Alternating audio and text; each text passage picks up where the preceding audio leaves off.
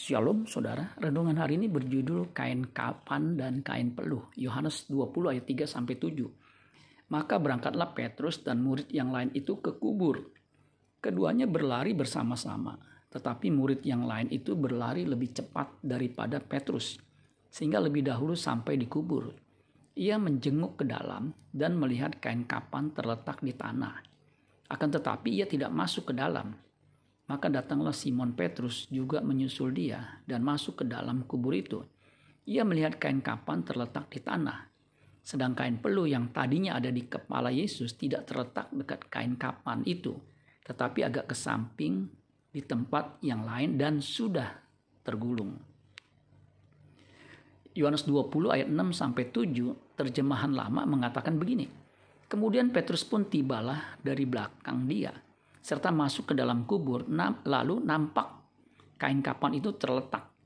Dan sapu tangan yang dahulu di kepalanya itu tiada terletak bersama-sama dengan kain kapan, melainkan berasing tergulung pada tempatnya sendiri.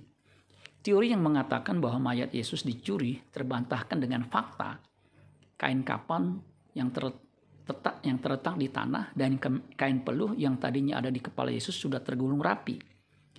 Jika seandainya ada orang yang mencuri mayat Yesus, mereka pasti membawa mayat itu, mayat Yesus, tanpa harus membuka kain kapan dan kain peluh. Kain peluh itu sapu tangan penutup kepala, supaya mudah dibawa. Dengan demikian teori yang mengatakan mayat Yesus dicuri adalah teori yang salah sama sekali. Ketika Lazarus dibangkitkan oleh Yesus, tubuh Lazarus masih terikat kain kapan. Yohanes 11 ayat 43 sampai 44. Dan sesudah berkata demikian, berserulah ia dengan suara keras, Lazarus, marilah keluar. Orang yang telah mati itu datang keluar, kaki dan tangannya masih terikat dengan kain kapan, dan mukanya tertutup dengan kain peluh. Kata Yesus kepada mereka, bukalah kain-kain itu dan biarkan ia pergi. Jadi jangan pernah meragukan kebangkitan Kristus kebangkitan Kristus merupakan puncak karya keselamatan Allah dan inti ajaran Kristen. Amin buat firman Tuhan. Tuhan Yesus memberkati. Sola Gracia.